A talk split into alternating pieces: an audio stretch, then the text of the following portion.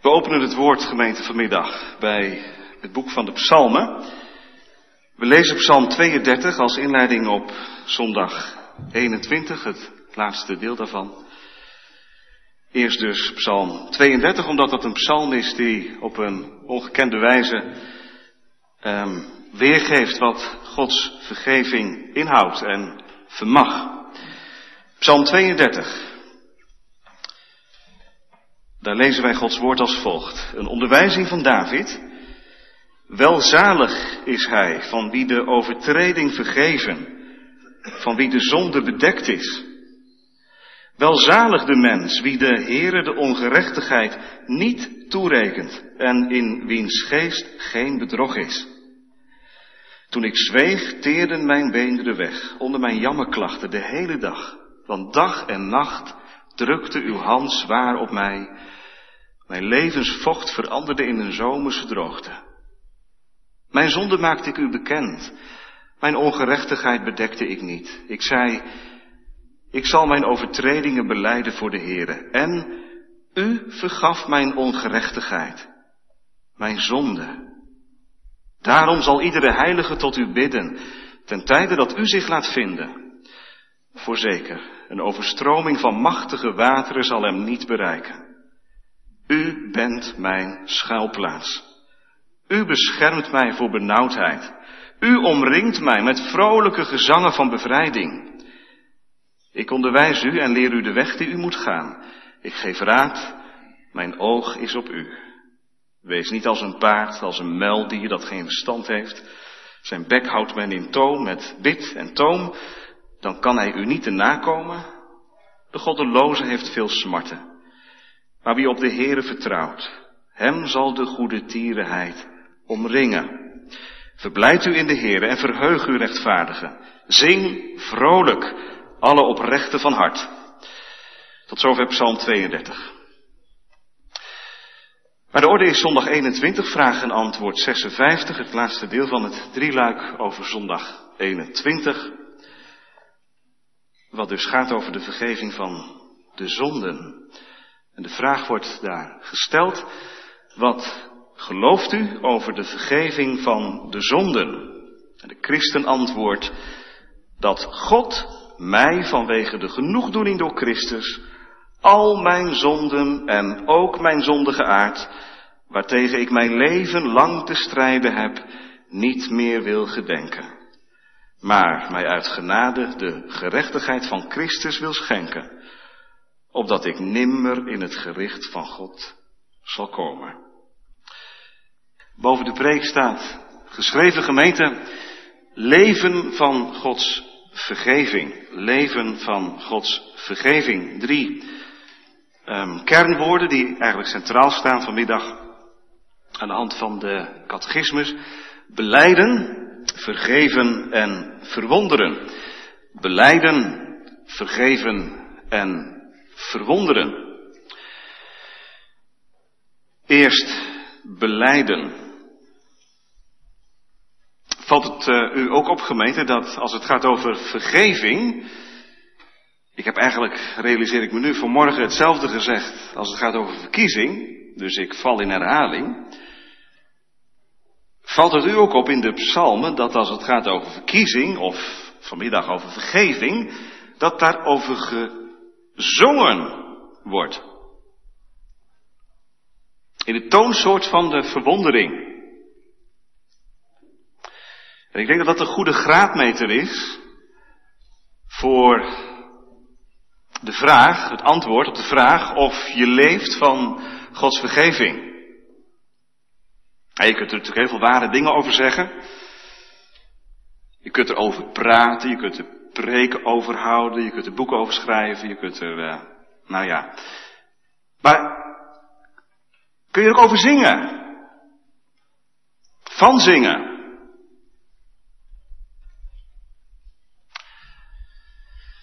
Psalm 32, Psalm 103 zijn natuurlijk de voorbeelden hè, van uh, psalmen die gaan over vergeving. Terwijl er gezongen wordt van dat wonder van Gods vergeving, zo onverdiend, zo grandioos.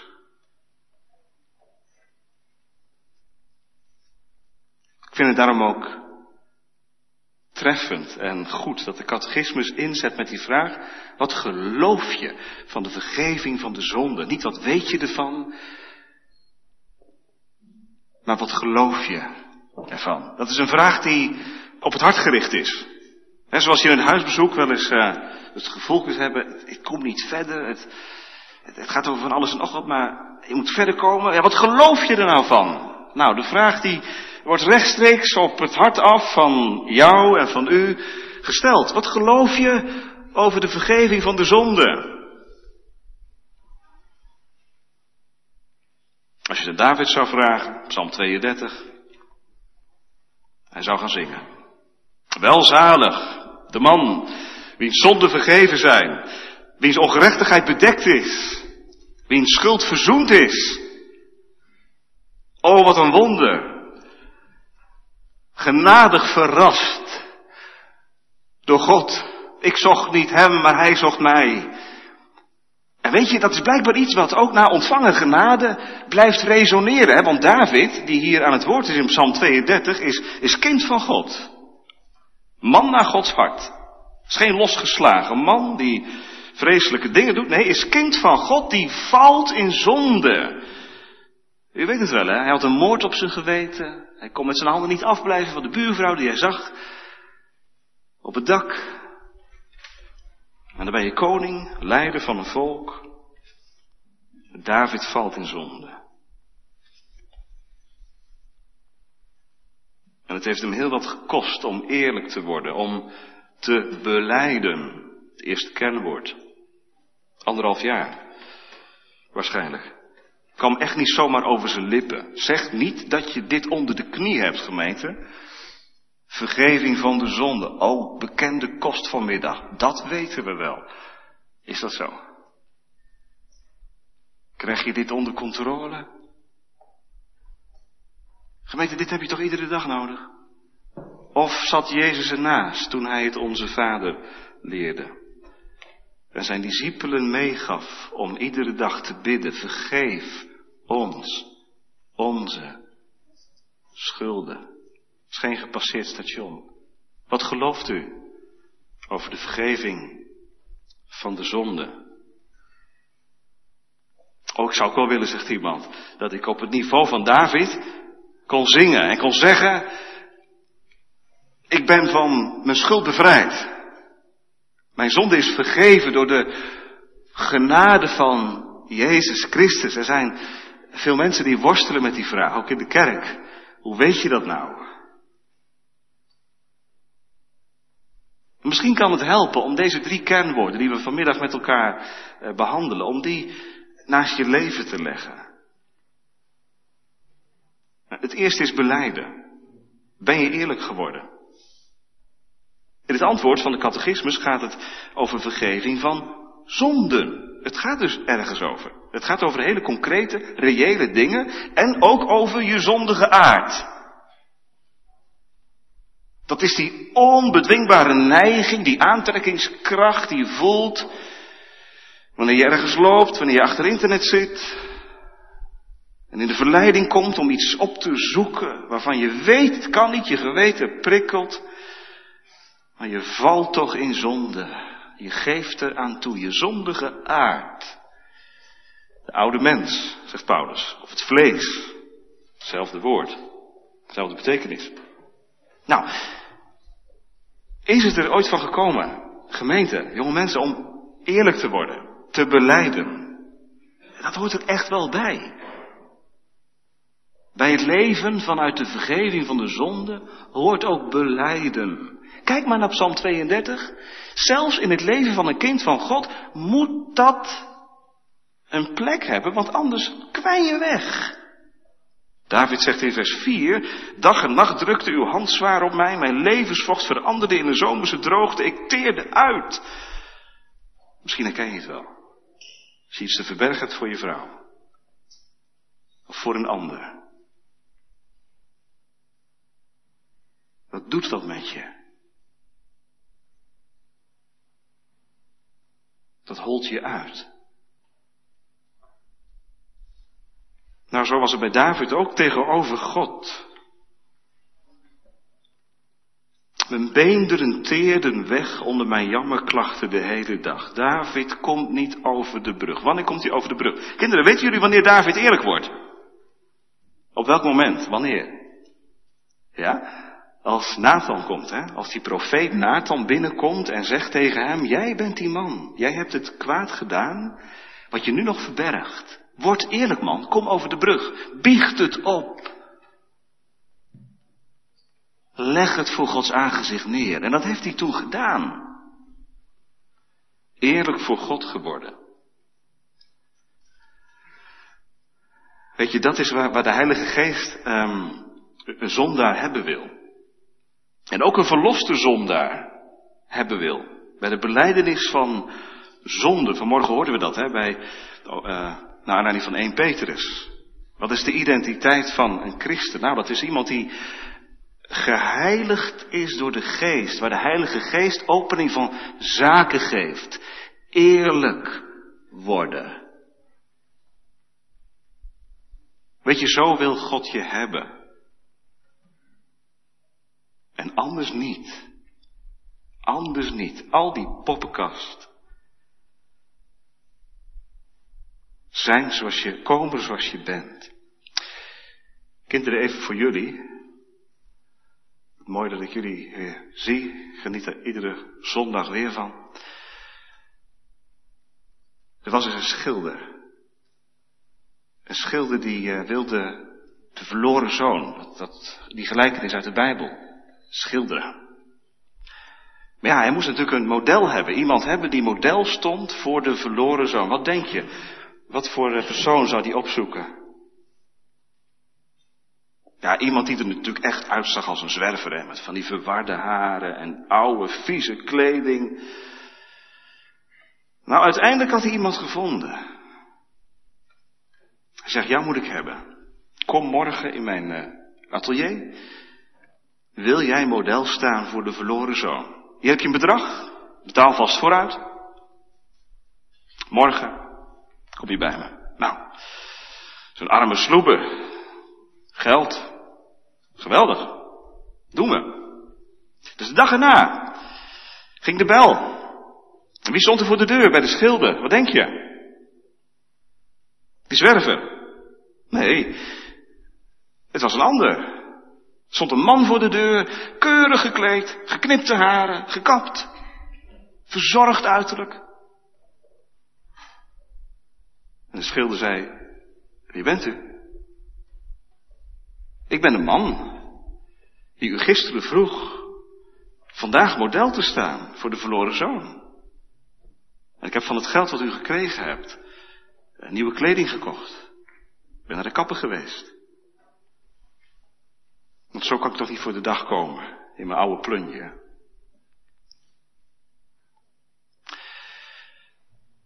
Wat zei de schilder? Meneer, ik wil u alleen hebben zoals u bent.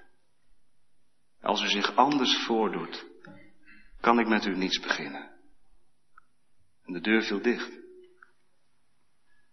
Nou, het is maar een verhaal, maar ik denk dat de kinderen het wel begrijpen. Hoe, hoe wil God je zien? Hoe wil God je hebben? Zoals je bent. Hoe ben je dan? Nou, is niet zo mooi. Ik herhaal nog maar even wat in het antwoord van de catechisme staat. Zonden, die heb ik. En ook nog eens een keer een zondige aard. Dan had ik er maar meer last van, hè. Ja, zo gaan wij dan uiteindelijk denken. Ik moet er meer last van krijgen, ik moet het meer gaan voelen. Ik moet meer verbroken van hart zijn, want anders, kijk, dat is dus die poppenkast. Waar God niets mee kan. Want hij wil je hebben zoals je bent. En dat betekent dat zoals je vanmiddag in de kerk zit. En ik weet natuurlijk niet wat voor week je achter je hebt. En wat voor leven je inmiddels achter je hebt. Wat voor sporen je getrokken hebt in het leven. En in de levens van anderen. Maar hij wil je hebben zoals je bent. Beleiden betekent dat wij onze zonden beleiden omdat Hij trouw en rechtvaardig is. Om ze te vergeven. Als iemand denkt, ja, ik durf het niet, want daar hoop ik straks nog even op in te gaan bij het tweede punt. Hoe God is, wie God is. Maar eerst nog even die mensen die zeggen, ja, maar je moet toch eerst je nood voelen en het moet toch eerst echt zijn. Je moet toch eerst verbroken van hart zijn, want anders kun je niet komen zoals je bent. Waar staat dat, gemeente? Weet je, als je nou niet weet hoe groot je zonde en ellende zijn, dan kom je maar met tien nood naar de Heer Jezus toe. Laat dat dan je nood zijn vanmiddag. Dat je niet genoeg van je zonde voelt. En misschien is er ook nog wel iemand die zegt, ja maar ik ben bang dat ik alleen maar tot de Heer Jezus kom om de hel te ontvluchten. Uit vrees voor de eeuwige straf. Nou, dan laat dat je nood maar zijn. En dan zeg je dat maar. Maar hij wil je hebben zoals je bent. Dat is het eerste wat er door de Heilige Geest ingehamerd wil worden in ons leven. En ook blijvend, want hebt u dat niet als u de Heer Jezus kent, dat u zich soms zo schaamt, dat u niet naar Christus toe schaamt, maar dat u zich van Hem wegschaamt. Begrijpt u dat? Ik schaam me zo. Ben ik toch voor man? Ben ik toch voor vrouw? Mijn lieve zalig maken. Je bedrogen. En de duivel maar wrikken om die kloof te vergroten. Wat geloof je over de vergeving van de zonde? Dat ik zonden heb. En ja, ook naar ontvangen genade heb ik ze, ja. En dat ik ook een zondige aard heb waartegen ik mijn leven lang te strijden heb. Nou. Dat brengt ons bij tweede. Vergeven. Wat moeten we ermee met die zonde? Beleiden. Wat doet God ermee? Vergeven. Daarvoor heb je de Bijbel gekregen. Om je ervan te laten overtuigen dat God genadiger is dan je voor mogelijk houdt en dat jij zondiger bent dan je waar wil hebben. Daarvoor heb je de Bijbel gekregen. Want weet je, in de Bijbel staan vier, vier boeken, één evangelie, vier boeken, waar beschreven wordt hoe Gods genadige gezindheid in de Heer Jezus Christus naar voren komt, oplicht. Kinderen, als ik aan jullie vraag, wat voor beeld hebben jullie van de Heer Jezus? Dan hoop ik dat je op school en thuis en vanuit de preken iets kunt zeggen, iets kunt opschrijven misschien wel vanmiddag. Wie is de Heer Jezus? Dat je zegt, Hij is een, een vriendelijke zaligmaker van zondaren. Hij houdt de mensen niet op afstand, maar hij wil ze bij zich hebben zoals ze zijn. Is er ooit iemand bij Jezus gekomen die geen gehoor vond? Nee. We hadden net even over die gelijkenis van de verloren zoon, maar dat is natuurlijk wel een heel tekenende gelijkenis. De vader hoe is de vader? Wie is God de vader? Nou, kijk naar die gelijkenis van de verloren zoon. De vader zegt niet, ik wil eerst horen dat je spijt hebt, want anders kom je het erg niet op. Nee, de vader ziet van verre de verloren zoon. En terwijl die zoon al lopend naar het vaderhuis die, die schuldbeleidenis heeft ingestudeerd. Ik zal opstaan en tot mijn vader gaan. Ik zal zeggen tegen hem, ik heb gezondigd tegen de hemel en voor u. En hij staat op het punt om het allemaal te zeggen. En de vader kust de woorden van de lippen van zijn zoon. God is een God die vergeeft. Dat is schitterende van Psalm 130. Dat tegen die zwarte achtergrond van onze ongerechtigheden ineens het oplicht. Maar nee, daar is vergeving. Bij Hem is vergeving. Gemeente, daarvoor kom je in de kerk. Om je ervan te laten overtuigen dat God vergevings- en genadig gezind is. Jegen zondaren. Daarom kom je in de kerk, om niet in die eindeloze cirkel rond te draaien. Ben ik wel een kind van God? Heb ik wel genoeg zondekennis? Maar om eruit te raken. Om tot geloof te komen. Kijk eens naar het antwoord, hoe bijbels, hoe reformatorisch dat is. Weet je, de catechisme zegt niet, wat gelooft u over de vergeving van de zonde? Nou, dat ik zonden heb en dat er een mogelijkheid is om dat te beleiden voor God en dat die zonden vergeven kunnen worden. Het begint met God, hè? Dat God. Wat geloof je over de vergeving van de zonde? Wij beginnen dan vaak bij onszelf, hè? En de catechismus zegt je vanmiddag voor. Stem je in dat God. God. Daar beginnen. Daar wil God je ook hebben vanmiddag. En daar wil hij je iets van laten zien. Hij wil mijn zonden niet meer gedenken. Al zijn ze er, hij wil ze vergeven, bedekken. Gemeente vergeving heeft dus te maken met het hart van God. Hoe is God? Wie is God? En al die dienaren van het woord en al die evangelisten die uitgaan, die hebben dat als drijfveer als het goed is. Die genadige gezindheid van God delen. Dat is ook de bedoeling geweest van de uitzending van de discipelen. Jezus zei tegen hem, in mijn naam moet gepredikt worden bekering en vergeving van zonde. Zo moeten jullie de wereld ingaan. Bekering en vergeving van zonde. Dan gebruikt catechismus een woord uit de rechtspraak dat God mij vanwege de genoegdoening door Christus al mijn zonden en ook mijn zondige aard, waartegen ik mijn leven lang te strijden heb, niet meer wil gedenken. Ik zei, het komt uit de rechtspraak. Iemand die een uh, vergrijp uh, pleegt, die moet genoegdoening geven. Hoe dan? Nou, door een straf te ondergaan, vaak. Een werkstraf, een taakstraf, celstraf. Dus die straf is er. En gemeente, die straf is er nog steeds. De Bijbel is er ook heel duidelijk over. Over de eeuwige straf. En aan het eind van dit um, antwoord zien we daar ook iets van. Hè? Het gericht van God komt daar aan de orde.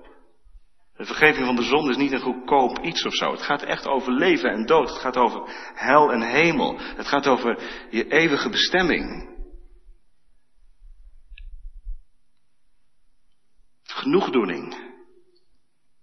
Dat moet er komen. Nee, zegt het antwoord, dat is er.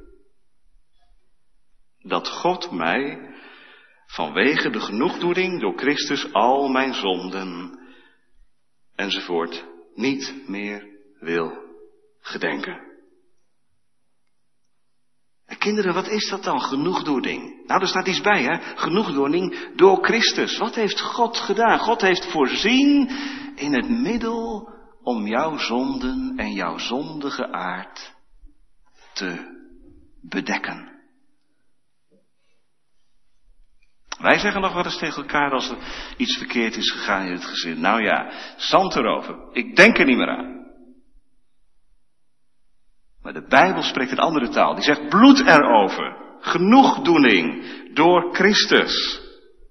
Er is er één die zichzelf opofferde, die in de bres sprong. Denk even aan dat prachtige zinnetje uit het avondmaalsformulier.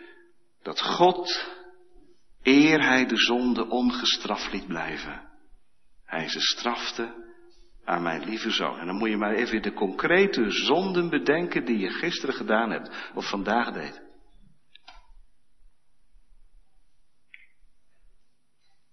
Zitten hier mensen die misschien zeggen, ik zie mijn zonden steeds voor ogen zweven. Ze achtervolgen mij. Het is een grote wolk boven mij. God heeft genoegdoening door Christus bereid. Hoe weet je dat? Door het geloof. Ik geloof het, zegt de christen. Wat gelooft u over de vergeving van de zonde? Dat God mij, vanwege de genoegdoening door Christus, al klaagt mijn geweten mij nog aan, al val ik ook in zonde. En dat zeg ik niet uit gemakzucht, maar met pijn in het hart. Dat God mij vanwege de genoegdoening door Christus al mijn zonden en ook mijn zondige aard waartegen ik mijn leven lang te strijden heb, niet meer wil gedenken. Hij denkt er niet meer aan. Wat een God hebben we gemeente. Een God die mild is in schuld vergeven. Een God die zegt, wie mij aanroept in de nood, die vindt mijn gunst oneindig groot. Zo'n God mag ik je vanmiddag ook verkondigen. Niet een God die karig is in schuld vergeven, die zegt, nou, er moet eerst nog wat gebeuren met je.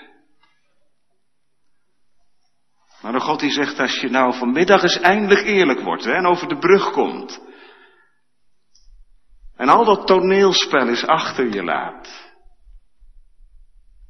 En al schrijf je het op, op een blad zoals Luther dat deed, hè, als een zonde. En hij legde ze neer voor het aangezicht van God.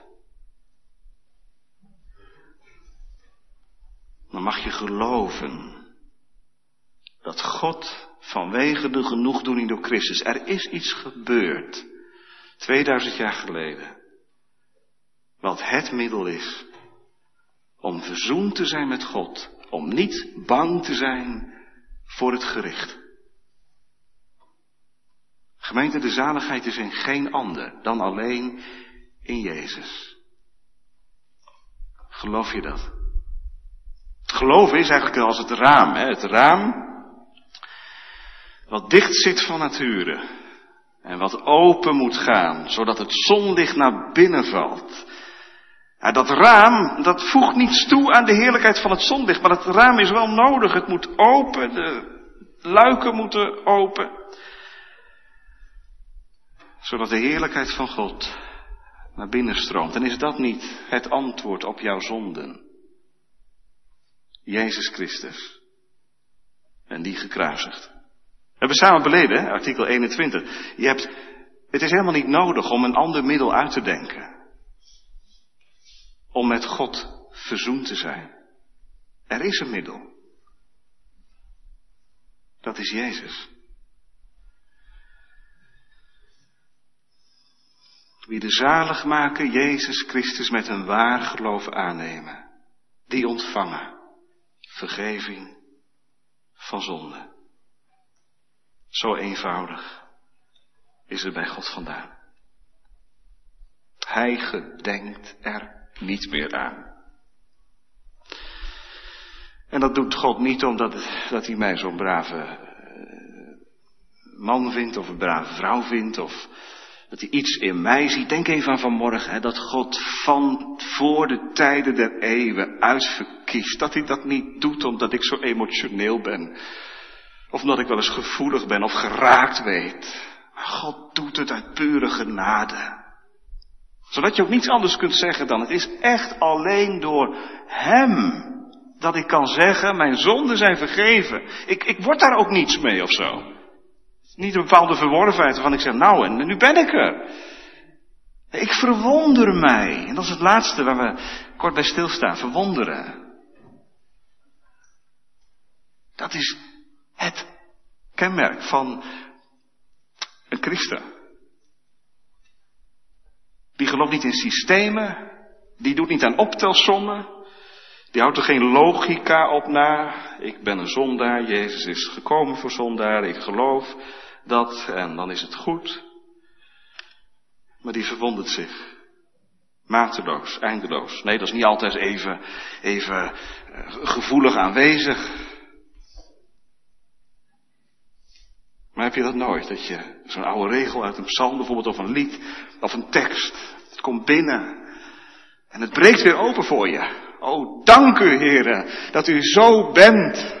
Ik val mezelf zo tegen en ik val u tegen, maar u valt mij niet tegen.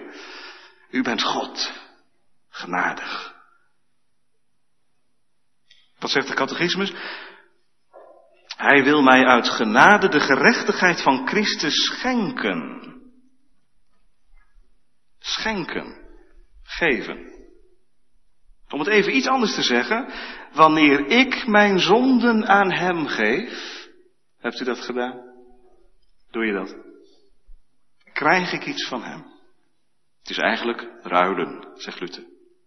Zalig, wonderlijk, ruilen. Jij beleidt je zonde. En Hij geeft genade. Zo ruilt God van plaats. Hij, die geen zonde gekend of gedaan heeft, dat gaat over Jezus Christus, heeft God voor ons tot zonde gemaakt, opdat wij zouden worden rechtvaardigheid van God in Hem. Je hoort het toch wel eens op huisbezoek, misschien de broeders ook wel. ik, heb Gods niet aan, ik heb God niets aan te bieden. Wat moet ik hem nou geven? Het enige wat je, wat je geven mag is je zonde, je tekorten, je ongeloof, je twijfel. En die zondige aard ook, ja. Waar je tegenaan loopt. Is dat gesprek er nog, gemeente, met God? Is dat misschien de reden dat het allemaal zo dor is en zo levenloos? Omdat de communicatie met Hem gestokt is. Ja, je weet wel dat je zondaar bent en dat je zonde hebt. Maar leg je ze Hem voor.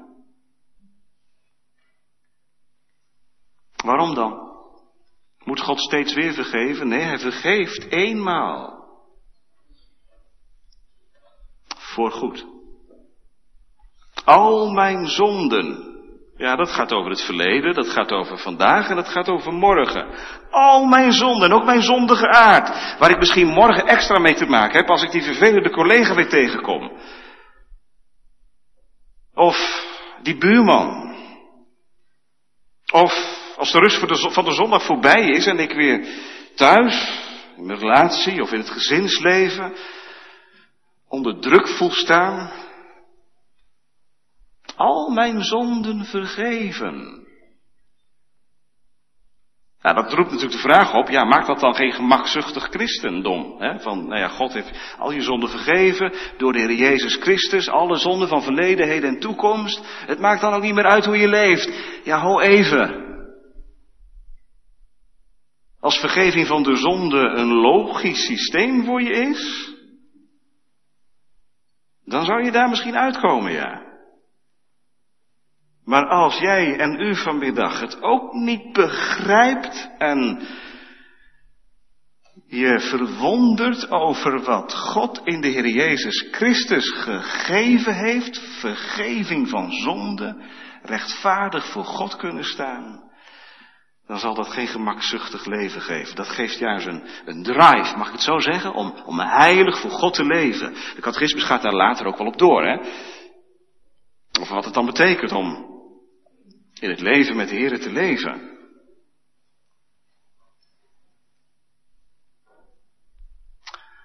Alle zonden vergeven. De gerechtigheid van Christus geschonken. Dat betekent dat je achter Christus kunt schuilen en dat het, het, het oordeel van God je niet zal treffen. Je zult niet in het gericht van God komen, in die zin niet in het gericht van God komen, dat hij als rechter oordeelt en wegwijst. De gerechtigheid van Christus als het beste wapen tegen het oordeel, tegen de duivel en tegen al die demonen die je bestoken.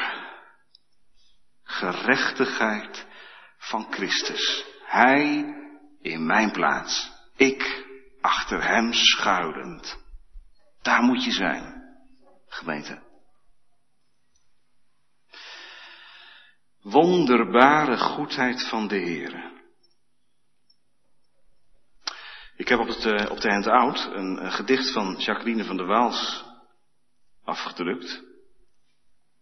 U zult niet allemaal het handout bij u hebben. Maar ik heb het afgedrukt omdat zij in dat gedicht heel diep, heel existentieel verwoord. wat zonde doet in het leven van een volgeling van de Heer Jezus, daar word je zo moe van. Vroeger, ach, tuurlijk, ja, je wist wat je zonde deed en dat het erg was. En... Maar toen je tot Christus kwam, werd je je zonde pas echt moe. Zij verwoordt het zo, ik ben mijn zonde moe. En mijn berouw. Ik ben mijzelf moede. En ik ben het zoeken moe naar God die ik niet ken en die ik toch zo gaarne kennen zou. Ik ben mijn zwakheid moe en mijn verdriet, mijn arbeid en mijn hoop en mijn genot, maar bovenal het zoeken naar mijn God. Ik ben het zoeken moede, maar God niet. En dan komt het.